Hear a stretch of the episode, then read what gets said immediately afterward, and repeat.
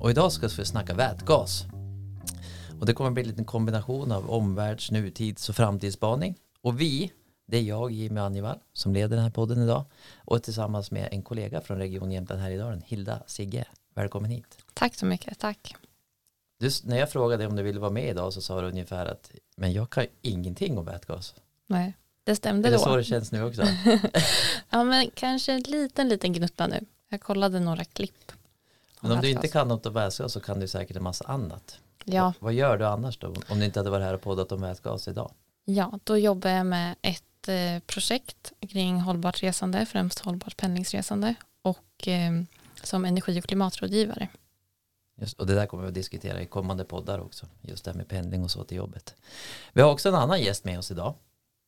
Eh, En extern gäst, för också en intern gäst och det är Håkan Lundqvist. Ja, hej.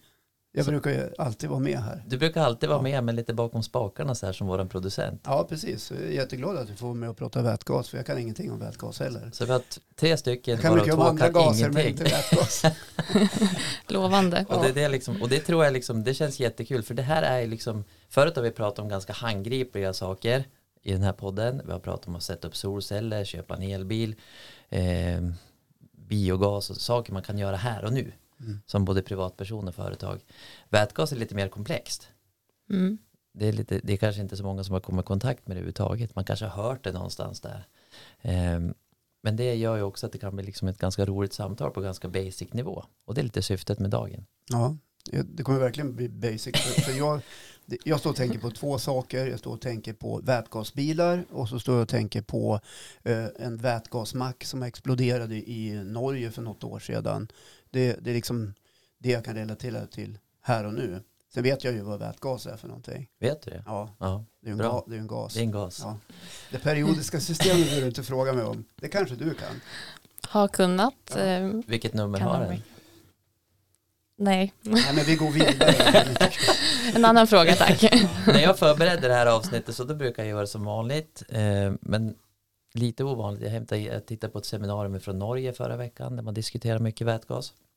Jag har funderat lite grann på saker vi har gjort här i länet sista året på det här temat. Och naturligtvis en hundpromenad även den här gången. För tidigare i veckan här så träffade jag ägaren till en av de bilmärken i landet, eller i länet ska jag säga, bilhandlare i länet som faktiskt har vätgasbilar. Så det jag gjorde, då kom vi in på det här lite grann. Men, men alltså, bara så att jag fattar. Det går att köpa en vätgasbil idag. Det går. Sen beror det på lite grann hur tjock plånbok du har naturligtvis. Mm. Ja, Sen- men jag menar inte för min egen del. Det. Men det går att köpa och det finns. Det finns. Precis. Det går absolut. Sen vi, men det är en annan femma, det kommer vi komma in på under dagen. Eh, för det är också så här att vi tror ju, och vi hoppas på, vi ska i alla fall diskutera, kan, ska vätgas, kan vätgas spela en roll liksom i den här energiomställningen? Och kan det bli en affär? Kan det liksom vara en affär för regionen och enskilda företag? Det är det som också är syftet med den här podden, att visa att det här kan vara en bra affär. Mm. Så det ska vi diskutera lite idag. Eh, innan vi börjar tänkte jag skulle säga att vi har haft över 1100 lyssningar på våra poddavsnitt.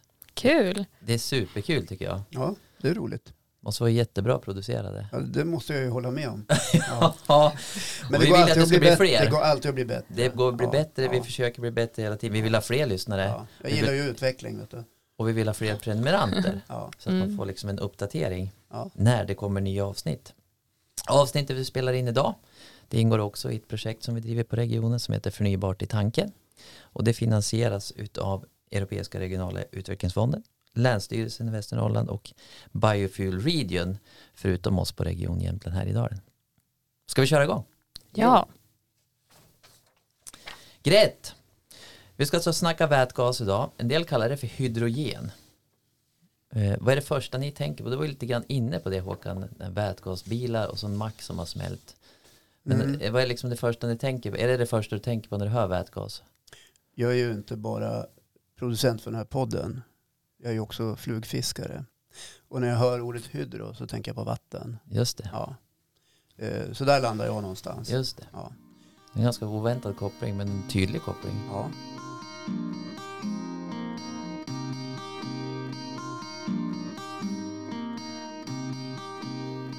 Mm. Men min första tanke kring vätgas var nog den här zeppelinaren, luftskeppet som sprängdes, exploderade. Var det inte så? Hin Hindenburg, Ja. kan den heta så? Ja. Just för, det. för övrigt också en bra platta av Led Zeppelin. Jag ville, Ja. bara, Jag vet inte så här, men jag ville bara sticka in det. Viktigt att få med med det luftskeppet på omslag. ja just det. Mm. Ja men det var ju en smäll där utanför USAs kust tror jag. Ja, precis. Stämmer. Just det, ja men det är faktiskt en, jag tror inte du är ensam om att tänka den tanken. Det, Nej. det flög väl från Europa va? Eh, Mm. till USA. Okej, Och, och vid landningen då så gick det åt helsike. så det kommer ganska långt ändå. Ja, det kom ganska långt. Väldigt men, långt. men det gladde ju Mm. inte passagerarna för de Nej. flesta, de flesta strök ju med. Jo. Ja. För det var en hemsk olycka. Men det hade ju klarat några resor innan, Ja, verkar det som. det Mhm. var slutet för zeppelinarna. Ja. Ja. Så är det med det. Så är det med det. Och väte, det kanske inte är så konstigt att man hade det som bränsle då i sig i den där zeppelinaren eller? Nej, det Nej, var ju bra. Det var, Det var ju lätt. det var det man använde. och Ja. Mm. Och det är liksom, väte är enklaste, lättaste, vanligaste och tidigaste bildade grundämnet i universum. Ser man. Det är liksom det man hittar när man ser på, på Wikipedia. Nu ska jag göra en liten guldstjärna här i marginalen. Där lät du otroligt påläst om Ja, men jag vätgasen. läser ju innantill. Ja, jag förstår. Ja, så det är liksom, Det är bra Jimmy. Ja. men det är, sen är det lite grann, så läser man vidare så ser man också att det vid förbränning så kan det bildas, att det är lätt brännbart, det kan bildas en knallgas, att det kan smälla då. Eh, det bildas en del ämnen när man förbränner, men också så ser man att i en bränslecell så kan man förena vätgas med syrgas och bara få vatten som liksom restprodukt. Det låter ju liksom rätt fantastiskt. Hydro. Hydrogen, Mm. Mm. är det oxygenen då? Slutet på, som är genen. Ja. Det, det där sista har jag lite sämre koll på. Men Ja. Hydro. Och, men läser man vidare så, är det liksom man, man, så börjar man se liksom att vätgas används väldigt mycket i världen till olika saker. Men kanske inte så mycket till det ni nämner nu. Du var ju snabbt inne på bilen. Att det är det man ska tanka. Men det är, inte, det är inte så konstigt för att i det här stora omställningsprojektet för att rädda planeten Tellus så har ju vätgasbilen diskuterats av Länge. och till och länge. Mm. Och I alla fall jag går ju och väntar på när händer det någonting. Mm. När blir det här den ultimata eh, transportlösningen? För den är ju helt, eh, helt giftfri, Mm. släpper inte ut någonting. Vatten. Ja, precis. Och jag, jag kan ibland, om jag läser om det, kan jag bli lite frustrerad och undra, ja men när kommer den? Varför går det så sakta? Varför händer ingenting? Mm. Lite så. Mm. Ja. Och det är väl det vi ska försöka bena ut. Mm. Ehm, som sagt, det, det används ju som, kanske inte, men vad, om, man säger, om man vänder på det, vad används det till idag då, väte? Eh, ganska mycket inom petroleumindustrin. Ehm, och när man producerar, tillverkar ammoniak. Och ammoniak används ju i sin tur jättemycket inom jordbruket och så vidare. Som konstgödning och, så, och på många andra sätt också. Men då, det finns alltså redan idag mantal ställen vi använder vätgas. Vi vet att det finns jättemycket vätgas. Vi vet att vi bara får vatten som avgas om man använder det i en bränslecell. Och vi vet att det finns som sagt väldigt mycket vätgas och ändå kommer det inte igång. Det måste ju finnas en hake. Eller ett antal kanske. Ska vi säga vad haken är? Ja, det, om ni har svaret så nej, kommer nej, ni jag att har liksom att få... Vad, vad, tänker du Hilda? Nej, jag är inte helt hundra heller. Jag tänker att det kanske finns mer än en hake. Och jag har att det är inget lite facit olika. här. Nej, Nej, och det tror jag ingen av oss har. Nej, Nej. Jag kan väl tänka mig att det är ganska, ganska dyrt att utveckla. Det är dyrt att bygga infrastrukturen kring det. Men man kommer ganska långt kring elbilar, plug-in, nu är jag inne på bilar igen. Mm. Men, Man kommer Mm. alltid till bilarna. jo, men de står ju för en ganska stor del av nedskitningen också. Eh, Så att det, det kanske fastnar där någonstans om man prioriterar annat eh, därför. Men eh, vad jag förstår, när du säger det så har man använt vätgas i många andra olika sammanhang i, i många, många år. Vi pratar hundra år, kanske längre än så. Mm. Ja. Raket, alltså rymdraketer. Alltså de går ju mycket på, vä- på väte. Ja.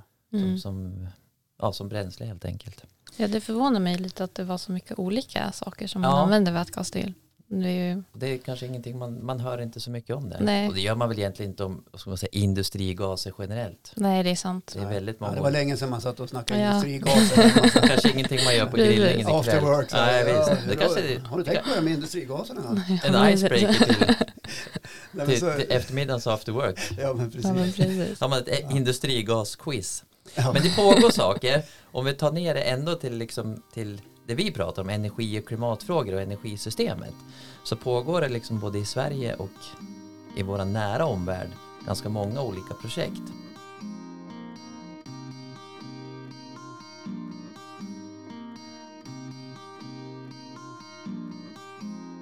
Eh, till exempel så har vi i Norge ett företag som heter Asko. Det är deras ICA kan man jämföra det med, eller, eller Coop för den delen. De har ett antal fordon man kör på vätgas. Det finns planer i Meråker på en vätgasfabrik och då är vi inte långt på andra sidan gränsen. Vi är väldigt nära. Mm. Eh, Norge jobbar generellt mycket med det här. Ett jättestort projekt i Sverige det handlar om att vi ska försöka göra kol och stålindustrin fossilfri. Mm. Mm. Och där, där jobbar man ju framförallt i Luleå nu på SSAB i ett projekt som heter Hybrid. Där ska man alltså ersätta kolatomen med vätgasatomer istället när man tillverkar stål. Då skulle vi kunna minska Sveriges utsläpp med 10% bara genom det om vi lyckas. Bara genom den enskilda insatsen. På, på kol och stålbranschen. Mm. Det Okej, är inte bara i Mm. Luleå den Ah, håller till. Men det är en fantastisk möjlighet. Vilken affär. Förmodligen en otroligt bra ekonomisk affär. Spännande. I Sandviken pågår lite projekt. Och så i Mariestad av alla ställen. Mhm. Den trodde man inte. Nej. Det är kanske inte liksom Sandviken och Mariestad om man ska titta på en Sverigekarta. att Vart pågår det vätgasprojekt? Mm. Men gillar man fulöl så kan man ju koppla ihop Mariestad ganska snabbt med en after work. Eller hur? Då har vi en given koppling nu när vi ska prata med Susanne quizen. Wallner. Tidigare regionråd här i Jämtland här idag men som idag jobbar i Mariestad. Vad är det ni håller på med där egentligen? Ja, eh, ja, ja, vad är det vi håller på med? Ja, vi eh, jobbar med lite olika saker precis som alla andra kommuner. Jag jobbar ju då i Mariestads kommun eh, som utvecklingsstrateg i ett eh, litet koncept de har tagit fram som heter Electrivillage. Och det är egentligen en test och demonstrationsplats för hållbara samhällslösningar. Elbyn. Om vi Mm. översätter till svenska. Ja, men nu måste jag försöka, nu kommer jag in här, i Håkan här. Om du är lite konkret Susanne, för att jag har sett på tv-nyheterna att Mariestad har sparkat igång en vätgashistoria för bilar. Precis. Eh, man var ju lite snabb på det där spåret för att vi hade ett eh, kommunalråd som gillar vätgas och förstod lite tidigt att det här kunde bli något för framtiden. Så man köpte en vätgasmack 2015 och förra året så var solcellsparken klar som är kopplad till den här vätgastankstationen. Så det är det som Mariestad har blivit lite känd för och satt på kartan att man har världens första solcellsdrivna vätgastankstation. Då. Det är häftigt.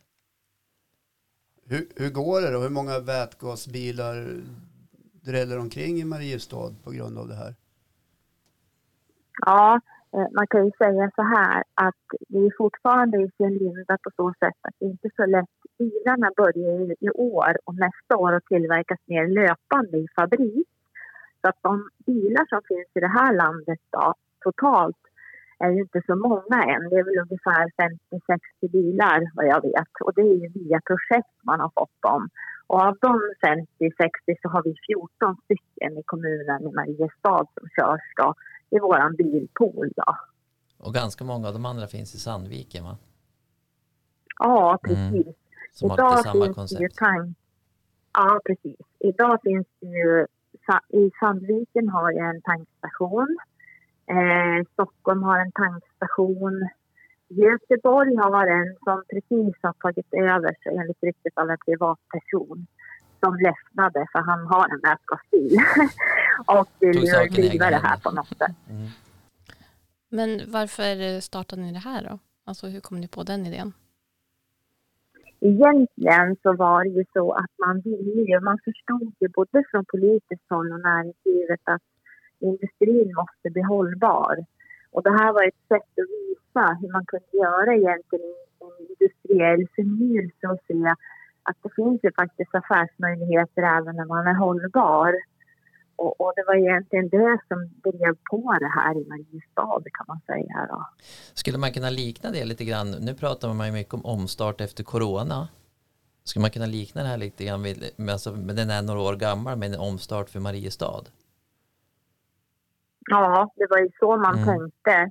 Och det är inte egentligen unikt för Mariestad eller andra regioner. Jobben flyttade ut och man kände att om inte vi eh, ställer om och hittar det här hållbara och kan vara och räkna med i framtiden så kommer jobben hamna någon annanstans. Och det ville man ju inte då. Eller man ville ju försöka stärka sig själv så att man, så att man kunde vara en del av i framtidens liksom, industri utan att tära allt för mycket på resurserna. Då. Du pratar om affären här för Mariestad. Och den här podden som eh, Energikontoret och regionen gör, han har ju som mål att peka ut affären som en, en god affär. Är det en god affär då för Mariestad, både ekonomiskt och uppmärksamhetsmässigt? Ja, vi har faktiskt låtit konsulter utifrån titta på det där enligt en modell som jag faktiskt fick tips av en tjänsteman på Region Jämtland Härjedalen. Det sprider sig. Ja, Och den heter- Ja, verkligen. Och den heter SEK-modellen där man kan från Industriellt centrum och eh, har tagit fram en modell, en samhällsekonomisk modell eh, där man tittar på vad ger det tillbaka då när man gör en satsning och då kan man mäta det i kronor och ören. Men i det här fallet om vi går på det du frågade om så affärsmodell och hållbarhet, det är ju det som är så häftigt med den här systemlösningen. Du kan få ut både vätgas och syrgas i den här systemlösningen och när du tankar bilen så kan du sen gå tillbaka med ett vattenglas och dricka vattnet ur avgasröret. Det kommer bara vatten ur avgasröret och det är rent. Och det här kan man göra på tåg också. Ja, För det vi här fastnar ju lätt i bilarna. Men det, jag vet att Ja, ni, ja, precis. ni precis. håller på att titta på det här med Kinnekullebanan också. Jo, eh, Kinnekullebanan då. Vi har eh, precis fått beviljat ett EU-projekt och det eh, är ju så att EU gick ut nu att man ska satsa ganska mycket på just vätgas. Man säger att man ska bli världsledande på vätgas i EU och de här pengarna som man skickar ut i EU nu efter corona, det är ju ungefär 700 miljarder någonting.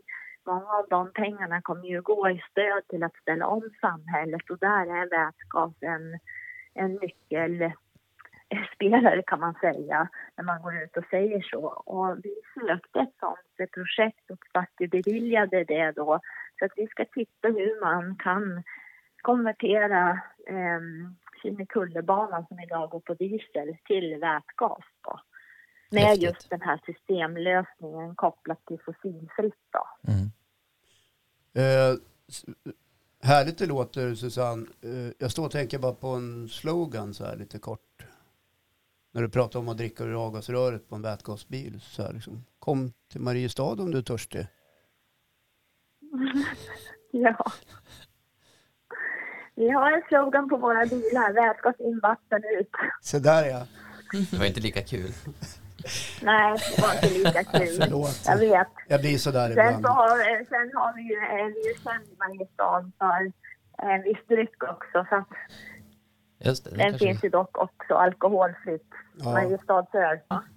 Men det jag tänkte säga här då, eh, eh, också som kan vara intressant då, det är ju att den här systemlösningen, den tycker jag är rolig att jobba med. Därför att den, många pratar om cirkulär ekonomi, mycket på papper. Men här kan du ju faktiskt göra det.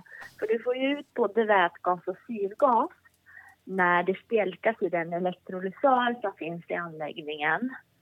Och har du då vind eller solkraft och så går du in i den här elektrolysören då skulle du kunna ha till exempel en ambulans som går på vätgas och så kan du skicka in syret till sjukvården. Då har du liksom en hel systemlösning som är fossilfri och cirkulär. Du skulle också kunna ha en bonde som kör en traktor. Nu Holland har precis tagit fram en vätgastraktor. Och sen skickar man in syret i någon typ av jordbruksproduktion eller en landbaserad fiskodling. Då får du cirkulära system som är helt självförsörjande och liksom ganska robusta, fristående från elnätet. Och sen är de fossilfri. Då har vi liksom uppnått det här vi säger i våra Agenda 2030-mål då. Du skickar ut eh, bilder till våra huvuden här och till de som lyssnar om en eh, framtid där vi inte är ännu. Men som mycket Nej, väl kan bli sann. Häftigt. Ja, och lite idéer på vad man kan ge sig på och Ja. titta på. Mm. Jag känner direkt att jag vill, jag vill bli vätgasbonde och ha en landbaserad fiskodling känner jag. Ja, Det säger jag inte för att jag skämtar utan jag, ser en framtid i det. Va- Vattenbruk är ju Ja. också någonting stort i Sverige som man gärna vill satsa Ja. på. Tack så jättemycket Susanne. För att du ja var med i tack våran för att jag podd. fick vara med. Ja. Kul. Hej då! Hej hej. Hej då!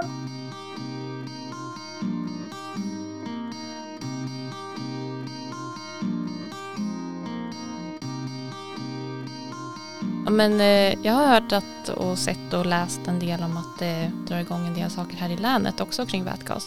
Det Den- bubblar. Det bubblar. Ja, Mm. har du också sett det Håkan? Ja, det har jag gjort. Jag har jobbat på Östersunds kommun tidigare det. och, och det har ju du också Hilda. Ja, Så vi känner igen de här tagen lite grann från eh, Grön Trafiks arbete och så vidare. Mycket prat om vätgas, olika satsningar. Det har varit en hel del skriverier sista året, och liksom artiklar i media och så. Ehm, och det, dels så har vi Inlandsbanan som har gått ut ganska hårt med att man liksom vill satsa på vätgas som en del av sin energiförsörjning. Eh, Jämtkraft, tittar vi ut genom fönstret här så ser vi deras anläggning. Man planerar att producera biojet för flyget.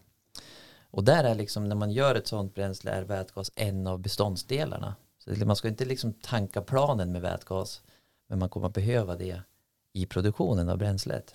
Ja, det lät ju annars lite Hindenburgvarning där. Ja, det är kanske där man börjar ta- tänka då, så att man, man tänka att man ska tanka. Ja. Och det är liksom inte det det handlar om, utan det är en del av, av produktionsprocessen. Så det är en komponent Ja. ut- utav flera. Tänk tanken att tanka. Vad Bra sagt. Det blir så många tänka, tanka, Ja. tänka, tick-tack, TikTok. Ja, Vi kanske ett sånt klipp. Östersunds kommun har också liksom diskuterat det här. Kan vi använda vätgas för att få mer biogas? Så att fler kan tanka biogas, Mm. bland annat. Och faktum är att redan 2005 tror jag det var. Ja, så pågick det ett projekt eh, på en fjälltopp här i länet där man behövde ström. Eh, men det fanns ingen kabel i backen. Man skulle sätta upp mätstationer för mobilmaster och sådär. Eh, och då fraktade man dit vätgas. Och så hade man en bränslecell och så fick man ström. Så att det har bubblat, det har pågått projekt eh, och gör. Mm. Som liksom lite så här under radarn. mm. Men pågår det någon, nu ställer jag en svår fråga kanske, men pågår det någon slags teknisk utveckling i våran region där man, där man tittar på just de processerna eller hämtar vi den kompetensen från andra delar av landet och världen? Jag tror både och. För vi har, det är liksom inför det här programmet också så dök det upp ett företag i Odenskog. Mm. Så det visar sig att, jaha, de, de levererar produkter, bränsleceller, eh, för att, som de levererar till USA, där de i sin tur gör truckar, alltså inom industrin som går på vätgas. Så vi har företag här i länet som är verksam, men det är inte det här med körde bilen på vätgas, utan det är andra delar av systemet. Men de har sett en eh, affär i Ja, det tror jag. Annars så är det en dålig affär. Ja, Och sådana gör inte de. nej, det, Så väl patienter. ja, du har koll på dem där. Ja. Ja. Nej, så det, det, är liksom, det är ganska mycket på gång. Mm. Eh, och det är jättespännande om vi kan få till, få till liksom vätgas som en del av den här energiomställningen. Kanske, eller så visar det sig att det är ingenting att satsa på. Mm. Det får man ju också, så kan det vara med många nya områden. Men det är väl så med utveckling att till slut landar det någonstans eh, där det behöver höra hemma. För att det ska bli absolut bästa utväxling. Mm. Ja. Och det Det, kanske, det viktiga är väl ändå att det är en del av eh, målet med 2030. Att eh, det är eh, fossilfritt. mm. Fossilbränslefritt. Ja, fossilbränslefritt, förlåt. Fossiler kommer vara gott om, Ja. även Jag 2030. börjar känna mig som en fossil. Nej, men i alla fall, ja, ni fattar vad jag menar. Ja. Ja. Mm. Ska vi nå målet så är det många bäckar små också. Ja. Så är det ju. Det måste ske jättemånga saker. Men vilka grejer är det som vi skulle kunna göra då för att, eh, men för att jobba mot det fossilbränslefria vad gäller vätgas? På vilket sätt skulle vi kunna använda det bra? Ja, vad tror ni? Ja, Ja, Det, det första ni tänkte på var att tanka bilarna. Och det var det första jag tänkte också på. Mm. Men jag såg en annan grej som jag tyckte var intressant också. Det var att eh, vätgas kan vara en väldigt bra lösning för att lagra energi. Ja, Otroligt effektivt. Att det kan funka väldigt bra när det gäller solenergi och eh, vindkraft som, som inte är konstanta utan varierar beroende på vädret. Jag hör vad du säger men jag begriper inte därför att jag är inte så eh, tekniskt kunnig. Men man lagrar alltså eh, till exempel solenergi i vätgasen. Är det det som blir bränslecellen? Eh, jag tror att det funkar så att Ja. sol, alltså energin från solen, Elen. eller ja, Ja, elen, mm. precis, ursäkta, Ja, att, det är, elen, att elen omvandlar vatten till vätgas och att då eh, lagrar man den här vätgasen och sen kan man använda den och skapa ny el Ja. ett annat tillfälle. Klokt. Jag, jag såg hela kedjan nu när du sa det. Ja. Ja. och det är ju jättebra, precis som ni är inne på. Så, för jag menar, då kan man ju på något sätt styra produktionen. När vi står här och pratar om vätgas som en energikälla eller en metod att kunna lagra annan typ av energi in i vätgasen så väcker det naturligtvis frågor hos dig som lyssnar. Kanske är vätgas en stor spelare framåt i tiden när det handlar om fossilfri energianvändning. Förnybart i tanken heter ett projekt som finansierar det här avsnittet av podcasten Öka takten. Där ingår Region Jämtland Härjedalen, Biofuel Region AB Europeiska regionala utvecklingsfonden, EU alltså, samt Länsstyrelsen i Västernorrland. För när det blåser så, kan vi producera el med vinden. När solen skiner så kan vi producera el med solen.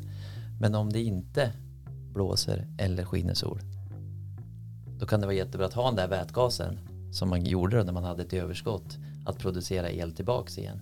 Men det är väl, är det inte just lagringen man eh, pratar rätt mycket om som ett problem att lösa när det gäller just solenergin till exempel. Hur ska man lagra den här energin? Mm. Det hör man ju lite då och, och nu. Mm. Om det nu Mm. finns den här möjligheten, varför sätter man inte bara igång? Ja, det är en jättebra fråga. Ja, jag Och vet. det, det, och och det, är liksom, det är förmodligen en, jag har inget jättefacit på den heller. Nej, men jag menar inte att det är du som behöver svara, vi slänger Men, ur men oss det är en den här. jätte, ja den är kanon. Ja, Men, men just det här att dels ska det finnas en marknad för det. Det kanske det inte har gjort. Eh, dels så måste man kunna, om man nu väljer vätgas, för det kan man ju göra i batterier också. Så att det är liksom, de ska man inte ställa mot varandra. Eh, men vätgas kanske kan vara ett alternativ där att man lagrar den här elen.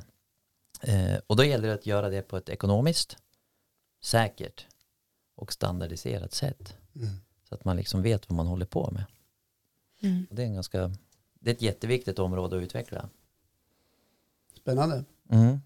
Och där kommer man ju också in på, som man säger, att det ska ju vara ekonomiskt att göra det där. Och då skulle man kunna tänka sig att vi har den här solparken här borta. Och så finns det jättemånga solparker om något år och mycket mer vindkraft än idag. Och så är det inget jätteefterfrågan på el.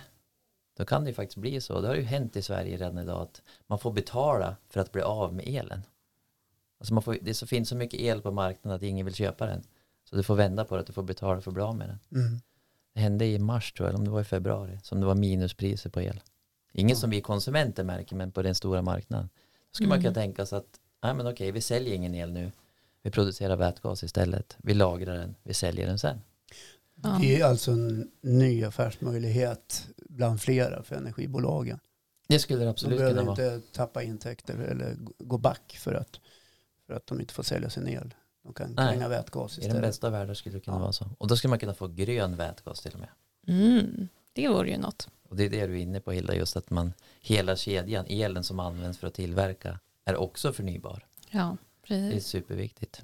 Vi hörde ju eh, Susanne Wallner här tidigare från Mariestad prata om det som kallas cirkulär ekonomi. Bara för den som inte är riktigt bevandrad. Vad, vad är det egentligen för en, för en vanlig lekman? Cirkulär ekonomi. Nej, jag kan inte ta det nu. Jag måste tänka lite. Ja, okej. Sorry. Ja, men det, vi spånar kring det. Ja. Ja. Ja, men om vi killgissar då? Ja, vi kan Ja, men, killgissa. nej, men cirkulär ekonomi, det handlar ju då om att eh, det är ett slutet system. Så att vi inte, inte resurser går till spillo. Eh, Så om vi skaffar en sak så kan vi återanvända den på ett annat vis. Lite grann som om jag har en kompost hemma Mm. Och så handlar jag, vi säger att jag handlar allt käk av bonden som bor i gården bredvid. Ja. Komposterar resterna hemma på min gård. Mm. Det blir matjord jag slänger ut på min egen lilla gräsmatta. Och så Det kanske blir ett slutet system. Ja, och så liksom går det runt som Ja. En I en cirkel. cirkel. Mm. Ja. Vi ville bara leverera den bilden till de som lyssnar och som kanske inte förstår begreppet cirkulär ekonomi. Nej, Det kan ju vara bra. Mm. den är jättebra. Ja. Eh, Alla är ju inte vetenskapsmän. För då kommer vi in på det här som en del av det cirkulära. Eh, att vi är inne på att ha el, tillverka vätgas med hjälp av en elektroly elektrolys. Eh, där man delar vatten då i vätgas och syrgas. Ja. Och det finns det ju också en marknad för. Alltså nu blir du så teknisk här Jimmy. Så att men det är ju liksom, jätteenkelt. Du jag vill bara ha delar, vätgas i tanken. Du delar liksom jag behöver inte veta hur det två funkar. två delas i, i vätgas och syrgas. Och syrgas Ja. kan man an- använda också. Då tankar du kanske inte bilen men inom vården. Mm, Finns precis. det en marknad för syrgas? Det har ju gått väldigt mycket syrgas nu under Förmodligen. pandemin. Mm. Det vet vi ju. Ja. Ja. Och på förmodligen många andra sätt som inte vi vet om också så finns det en marknad för syrgas. Så Mm. man ska inte kasta bort den. Det kan ju vara liksom en, en av intäktsmöjligheterna om man nu väljer att använda den här processen. ja, Ja, vet du vad Susanne var inne på mer? nej. Det var att de funderar på att köra tåg. Då är det ett sätt att köra tåg på el. Mm. Så vi ersätter fossil diesel med i förlängning då el. Men vi drar ingen kabel i luften. Annars är det liksom de flesta tåg så går de på el med en kabel i luften. Ja, det vore ju toppen om man kunde göra så.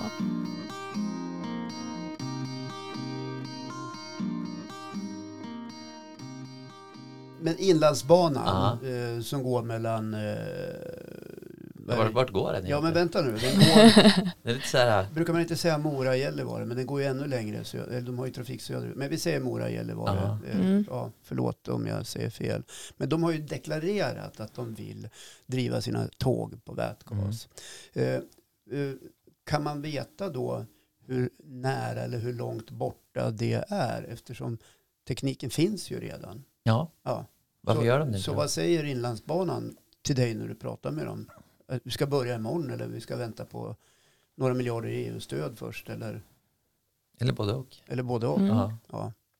Nej men jag tror så här att det där det är eh, en ekonomisk fråga. Alltså vi behöver också få ner en av hakarna det är ju att vätgas idag är för dyrt. Svårare än så tror jag inte det är. Men Alltså- blir det inte billigare ju fler som börjar använda produktionspriserna går ner? Så vem ska gå i bräschen? Ja, och där tror jag du har liksom en som man säger den här hönan eller ägget diskussionen. Mm. För liksom, ja, man, man kan ju köpa ner priset men då måste man köpa väldigt mycket och vem är beredd att göra det? Mm, Men då, då frågar jag er två som har, ni har ju full koll på EU, EU-pengar och EU-stöd. Om jag väljer att gå i bräschen med mitt företag, hittar jag då det stödet ekonomiskt? För det jag bidrar med är ju ett schysstare, en schysstare planet, eh, färre, färre utsläpp. Jag går också i bräschen för någonting som är eh, utveckling och kanske stimulerar andra. Mm. Som ett gott exempel. Mm. Är det fel att tänka så? Nej, men jag, nej. Nej. Och jag tror att tillfället kanske är nu. Ja. För nu, det finns väldigt, eller det lanseras i alla fall att det ska liksom komma väldigt mycket EU-pengar i det Mm. de kallar för New Green Deal eller något sånt där. ja, precis. Det var något sånt. Ja, som en del av liksom att kickstarta, omstarta efter coronapandemin Ja. och så. Så om vi gissar utan att ha källkollat med Inlandsbanan själva så Mm. kan det kanske komma igång snabbare än vad vi står här och, och pratar om. Eller Förhoppningsvis. tror. Ja, Ja. det Så skulle tydligen kunna bli vi tror. Vi tror. Mm. För det här det är ju lite spaningsprogram. Ja, men Ja. verkligen. Ja. Vad är liksom, jag säger att det är för dyrt. Vad tror ni det kostar då? Oh, Ungefär. ja. Ska vi dra till med? Vi jämför per kilowattimme.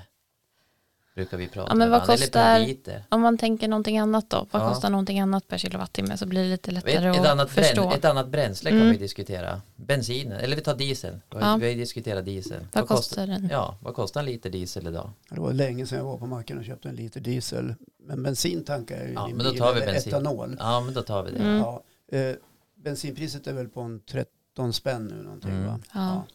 För en liter. Och då är det inklusive moms och skatter och så vidare Ja. naturligtvis. Ja. Mm. Mm. Och en, en, eh, en liter bensin innehåller ungefär 9 kilowattimmar. 9 kilowattimmar. Ja. Okej. Mm. Vad innehåller en liter eller vad man Så vad, pri, vad, då måste, vad blir priset då? 13 delat med 13 9. delat på 9. med drygt en, 1,2, Ja, 1,1. någonstans där. Mellan en och en och en halv. Ja. Och tittar man liksom på produktionspriset när, du har, när en vätgasen lämnar en elektrolysör så är det där någonstans. Alltså 1,50 per kilowattimme. Och sen Mm. ska det ju då distribueras och sådär. Men det är ju ingen skillnad. Jo, det är en ganska stor skillnad. Ja, men vad blir skillnaden? För det är liksom, Mm. men Kronor och ören låter inte så mycket. tittar du där bensinen tillverkas, Mm. då kanske man är nere på mindre än hälften av det. Men sen läggs det ju på skatt och moms och sådär som vi konsumenter betalar. Så jag tror att vi måste nog halvera priset för att det ska vara kommersiellt gångbart. Någonstans där jämfört med idag. Okej, så priset på vätgasen då var utan de skatter Ja, och moms Ja, det är liksom direkt Mm. från fabrik. I runda slängar Ja, så är det dubbelt så dyrt. Men då är ju en lösning att producera sin egen vätgas. Det skulle det kunna vara. mm. Ja. Men hur, varför är den så dyr? Alltså är det något i själva processen när man gör vätgas som gör att det blir dyrt? Eller hur? Vi har ju elen, Mm. den kostar ju någonting. Ja. Men beroende på vilken källa man har där då så är det ju ett sätt att få ner det. Mm. Alltså liksom har en, där det liksom, ska man säga, det flödar el hela tiden. Om det nu i den bästa av världar var så, så kan det vara ganska billig. Men sen kostar ju den här processen i elektrolysören en del. Mm. Och sen, och då landar det ungefär där. Så Okej. där. Men det är liksom där man skulle behöva få ner kostnaden. Mm. Så då är ju Mariestad helt rätt ute med den cirkulära ekonomin kring sin egen vätgasproduktion. Det skulle det kunna vara. Mm. Men eh, vi sa inte att det var kommersiellt gångbart än. Men de är på rätt väg. Kan de absolut måste vara. allt vara kommersiellt gångbart? Kan man inte betala ett litet pris för att Tellus ska vara kvar? En del av oss. Mm. Men kanske inte den stora globala marknaden. Sen kan man ju försöka styra det naturligtvis med olika styrmedel. Nej, det kanske var en dum tanke. Nej, I konsumtionssamhälle vi lever i. men jag får en annan tanke också kring det här liksom med tåget. Att det, liksom, det är också ett sätt att, ska man säga, en del kanske ska gå på el med en kabel i, i, i luften. Men det här kan ju bli som ett annat sätt att elektrifiera. Och då liksom får vi liksom lite fler energikällor så där. Det är också ganska tilltalande så att vi inte lägger alla ägg i samma korg. Eh, vi får se. Mm. Men det kan det liksom intressera MSB, alltså Myndigheten för samhällsskydd och beredskap. Så att vi liksom kan Mm. sprida ut riskerna. Så vi inte blir så sårbara. Det är också en spännande tanke tycker jag. ja. Nu när du nämner järnvägen så står jag också och tänker på att det kanske behövs också fler spår i landet. Ja, Ja. och då kanske Inlandsbanan Mm. är ett sånt spår. Det går inte så mycket persontrafik där till exempel idag. Och det skulle kunna gå ännu mer gods. Mm. Ja. Det vet vi att de vill. Det vet vi att de vill. Ingen hemlighet. De är ju kommersiella.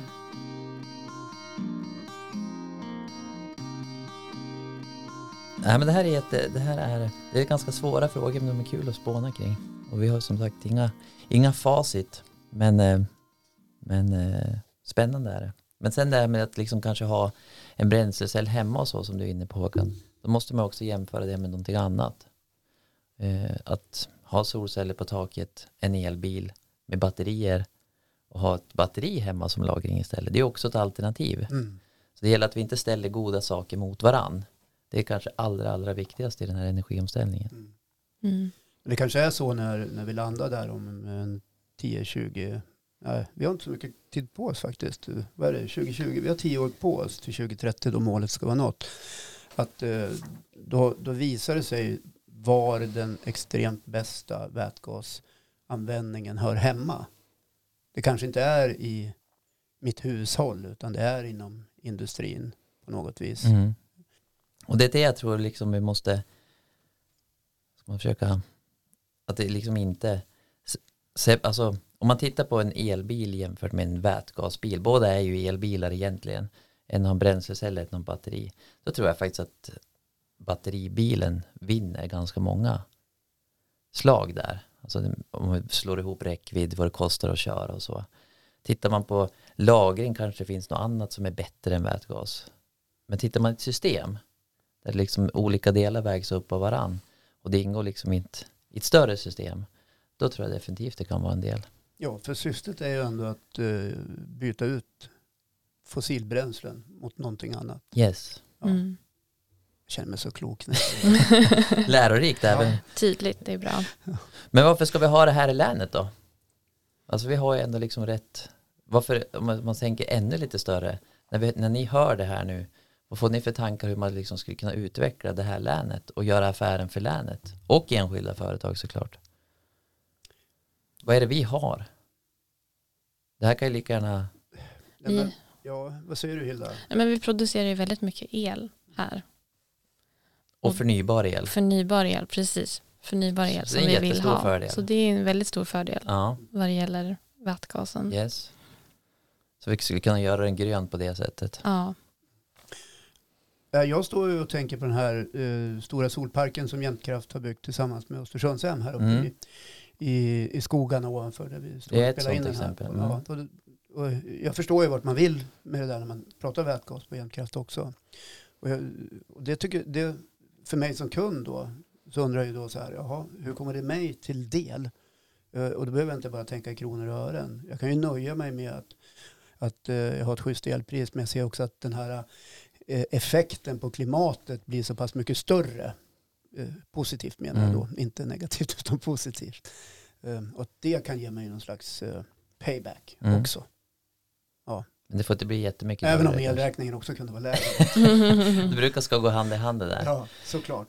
nej men vi har förnybar el. Det är mm. jättebra. Eh, vi har ett överskott på el långa perioder i förhållande till hur mycket vi förbrukar. Så alternativet är ju att som man säger, skeppa iväg den där strömmen någon annanstans. ja. Här skulle vi kunna ha ett alternativ att på ekonomisk grund eh, förädla den här och kanske ha en vätgasfabrik eller så. Det vore häftigt. Då pratar vi ju tillväxt och vi pratar arbetstillfällen, skatteunderlag, de samhällsekonomiska vinsterna. Mm. Och här har vi en jätteviktig grej som ofta glöms bort. Vi har ett jättestarkt elnät. Alltså hur sättet vi distribuerar el på. Vi har många bra platser i länet där man skulle kunna etablera en sån här fabrik. Det är faktiskt Mm. något jag glömmer bort ganska ofta. Jag tror de flesta av oss Ja. gör det. och Men, det, eh, det glöms bort på alla nivåer. Det är bra att bli påmind om det. Mm. Ja. Men just det, det skulle kunna vara, det skulle kunna tala för oss och så har vi ett ganska lågt elpris jämfört med andra delar av landet. Just för att som man säger, elen är lite billigare norrut än vad den är söderut. Mm. För att vi har ett så Mm. starkt elnät bland annat. Och så har vi ett, eh, om vi kallar det då inhemskt kraftbolag. Ja, Ja. som skulle kunna vara med och driva den här utvecklingen tillsammans med andra. Mm. Och då skulle man kunna liksom få till en, en, green, en, en green deal för Jämtland. Vi pratar mycket om det på EU-nivå. Mm. Och vi har börjat skissa, ni har ju börjat skissa på det. Vi har elproduktionen, vi har elnätet, Ja. eh, vi skulle kunna lagra den här elen liksom i vätgas eh, och sen göra el igen när den behövs. Jag tänker liksom att, att vara en region där man också kanske tar kommandot och liksom tar den här frågan och kanske till och med är lite ledande kan ju vara intressant. Eh, om man nu väljer det. Mm. Eh, Mm. det är det här med att gå i bräschen någonstans. För att om man inte är den som klyver vågorna då, då sitter man ju där bak och, och, och styr eller, eller ror med. Men här ska vi inte kliva vågorna, vi ska kliva vattenatomen. Det är så smart sagt. Jo men vi var Nej men det är sant och vi har ju redan kommit jättelångt. Men vi Mm. vill komma liksom ända fram till de här 100% förnybara.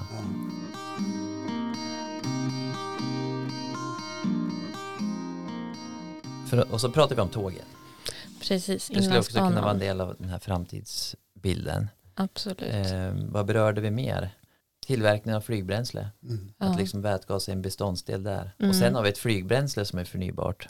Ja, Det, är liksom, det finns liksom ingen ände på superhäftigt. tankarna Mm. i alla fall. Sen om de är liksom Precis. realiserbara eller inte. Mm. Jag tänker på färger. Alltså Färger. färger på sjön. Färger på sjön. Ja. Ja, precis. Färjor. inte- Jaha, Färjor. färjor. Färjor. Jag stod här, vilken färg menar Ja. du? Satte Varför? oss på pottan där lite Ja. Jag tänkte på gult och grönt och, och blått. Ja. Men du Ja. menar färjor. Färjor. Vi har ju ändå ett antal kvar. Både Mm. här i kring. Ja. Eh, men även i, i Sverige såklart. Ja. Eh, och i Norge har Mm. de jättemycket färjor. Mm. Så de tittar ju mycket på den delen. Och där kanske inte liksom att se, om vi jämför med elbilar då. Här ska det, det, de kommer fram, de måste tanka snabbt, de ska köra tillbaks, de går ju hela tiden. Mm. Då kanske inte liksom batteridrift är det bästa om man vill köra på el. Då kanske vätgas är en del där. Mm. Ja. Så kan man köra på vätgas över till, vart har vi färger nu? ja, då är mellan Isön och Mm. Norderön, Exakt. Norderön, Mm. Håkansta. Så kanske Trafikverket är intresserade av det här. Ja. Mm. De ska också bli fossilbränslefria. Men Ja, hur? Ja. ja, de har ett jobb att göra. Och ser man det här ännu större då? Då är det liksom, ja men då säger de, ja men då kör vi på biodiesel. Ja men den kanske inte räcker till alla. Nej, det kanske är andra områden där den får användas. Där den fyller sin funktion. Ja. Och då, då är vi tillbaka på det här systemtänket igen. Mm. Och där tror jag att liksom vätgas kan spela en jättebra roll. Ja. Att det går att använda på så otroligt många olika sätt och Mm. kombinera. Och, och jag tyckte det var intressant det här eh, som hon nämnde också om, eh, ja men som du också nämnde, att man kan ta syrgasen och använda Ja. den i, eh, på sjukhusen. Ja. Det är liksom en in- intäktsmöjlighet. Ja, Jag kan ju också känna att jag behöver lite syrgas ibland. Till exempel nu. Ja, ja bli lufttomt. precis. Nej, men man kan ju spåna hej. Men just de här, när är inte batteridriften det optimala utan det är någonting annat. mm. Att de kompletterar varandra. Det tror jag är en jätteviktig tanke att hålla med i huvudet. Mm. Reservkraft har vi inte ens berört. Det är Nej, en jättestor intäktsmöjlighet. Just att vi kan erbjuda elproduktion när det verkligen behövs. När vinden står, när solen står, när det är mörkt, när det är kallt ute. Mm. Då har vi en gasturbin med vätgas här som vi kör. Ja. då ringer man oss. Mm. Då ringer man Ja. oss och då är det pengar in kan jag säga. Ja, då jäklar.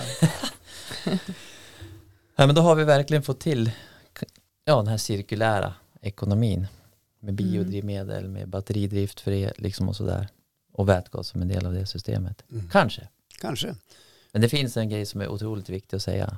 Vad är det? Ja, men att vi måste göra, det finns inga standards, eller jo det gör det nog, men vi behöver liksom göra allt det här säkert Mm. och standardiserat. För det är liksom ändå, det finns, det går ju inte att blunda för det, så det finns problem. Eh, det finns ekonomiska utmaningar, men också kring det här med lagring och så, så att det inte blir de här smällarna som du var inne på i Mm. början. Du nämnde du det i början att du hade hört något Ja, jo, men det var, en, det var någon slags felkoppling till någon vätgashistoria på en mack i, i Norge. i Norge som, Mm. och den, Mm. den small i luften. Så att, eh, det är klart att det måste vara säkert. Mm. Ja. Och där Mm. Det finns ska ju nog inte vara så roligt att ha någon sån här grunka hemma och så vet man inte riktigt. Det. rätt vad Mm. ja, du här 70-30. Ja. Nej, så det är kanske är lite rätt sak Ja, på så- rätt plats. Så här, älskling, kan du, kan du gå och kolla vätgasen idag lite grann? Ja. Det kan gå, men det är inte säkert. Ja, nej, skicka barnen. Nej, men den är ju Ja, jätteviktig såklart. Ja. Ja, men det, det kanske landar i så här typ en vätgascykel, eh, vätgasmoppe. Alla behöver inte Mm. åka bil. Nej. Nej. Eh, alltså, sådana varianter. Vad vet jag? Nej, Mm. Ni hör, jag vet ju ingenting. och det var ju där vi började också Ja, någonstans. Precis. Man måste väl börja där någonstans, Ja. att man inte vet någonting Ja. för att lära sig. Bygga kunskapen därifrån. Ja. Men det är ju, men som sagt att eh, den kan nog spela en roll. Och det är väl liksom det som är det viktiga att lyfta fram. Men i många andra områden. Och totalt sett så kan det bli väldigt bra. Mm. Mm. Oerhört spännande. Och även om vi står här och gissar och tror och, och spekulerar och till viss del förhåller oss till fakta så kanske det här avsnittet ändå eh, inspirerar andra till att tänka tanken kring omställning även om det inte handlar om själva vätgasen Mm. utan att det väcker någon slags energi upp i knoppen hos människor och institutioner att nu måste vi sätta fart här. Och det kan vara väldigt kul. ja, det går. Det går absolut. Eh, vad tror du spontant, liksom, om man skulle skicka med någon passning inför helgen här Hilda? Inför Om, helgen. om man vill bidra till energiomställning till, till eh, inför midsommar blir det ju. Man kan eh, välja sin resväg till midsommarfirandet, Yes. samåka, eh, ta en cykeltur. Man kan köra lite hemester midsommar Exakt. Med cykel. med cykel. Nämnde du? Ja, det nämnde du kanske. Cykel är ju bra. Man kanske tänker vad man ställer på bordet också. Precis. Är det liksom närodlat och sådana saker? Ja, Mm. men det är väl mer eller mindre självklart idag hos alla, är det inte det? Nej. Nej. Inte hos alla skulle jag inte säga. Men det, men det Ja, jag vet, det var den dummaste, dummaste mest provocerande frågan som kom idag. Precis. Ja, Det kan man jag, jag är inte heller Guds bästa barn, men jag försöker. Det är nog ingen av oss. Nej. Nej. Men det gäller liksom att försöka sträva Ja, fram. men, men Bara ska man äta surströmming så finns det ju ingen lokal producent här. Men vi har ju en ganska nära. Från Ulven till exempel. Till exempel. Ja. För det blir väl surströmming? Absolut. Aldrig, aldrig ätit. Hilda, du, Då har vi ett så- här kan vi snacka midsommarlöfte. gaser. Ja men precis. Det kommer bli eh, Både positivt och negativt överraskad. För du kommer att testa. Ja, jag måste göra det någon gång. Ja. Mm. Det här kan bli det. Har du annars något, nu har du lovat vad du ska göra på midsommar. Inom dina projekt, har vi något Känner konkret på gång?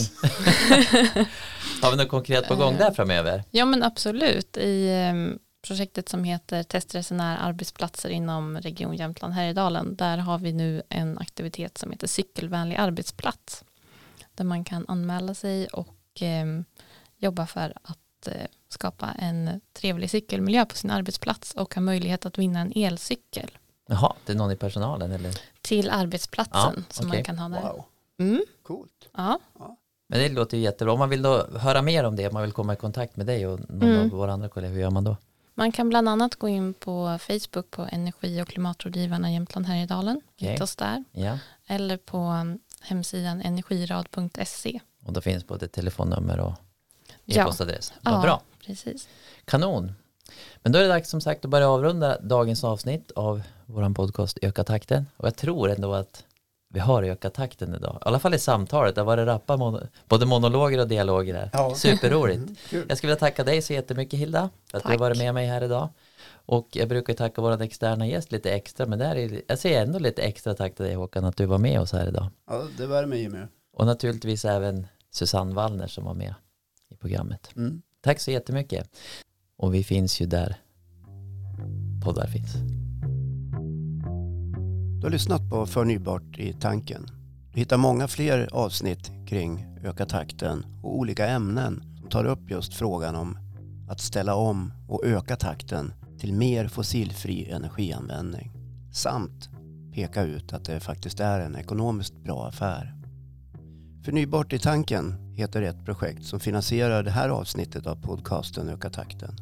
Där ingår Region Jämtland Härjedalen, Biofuel Region AB Europeiska regionala utvecklingsfonden, EU alltså, samt Länsstyrelsen i Västernorrland.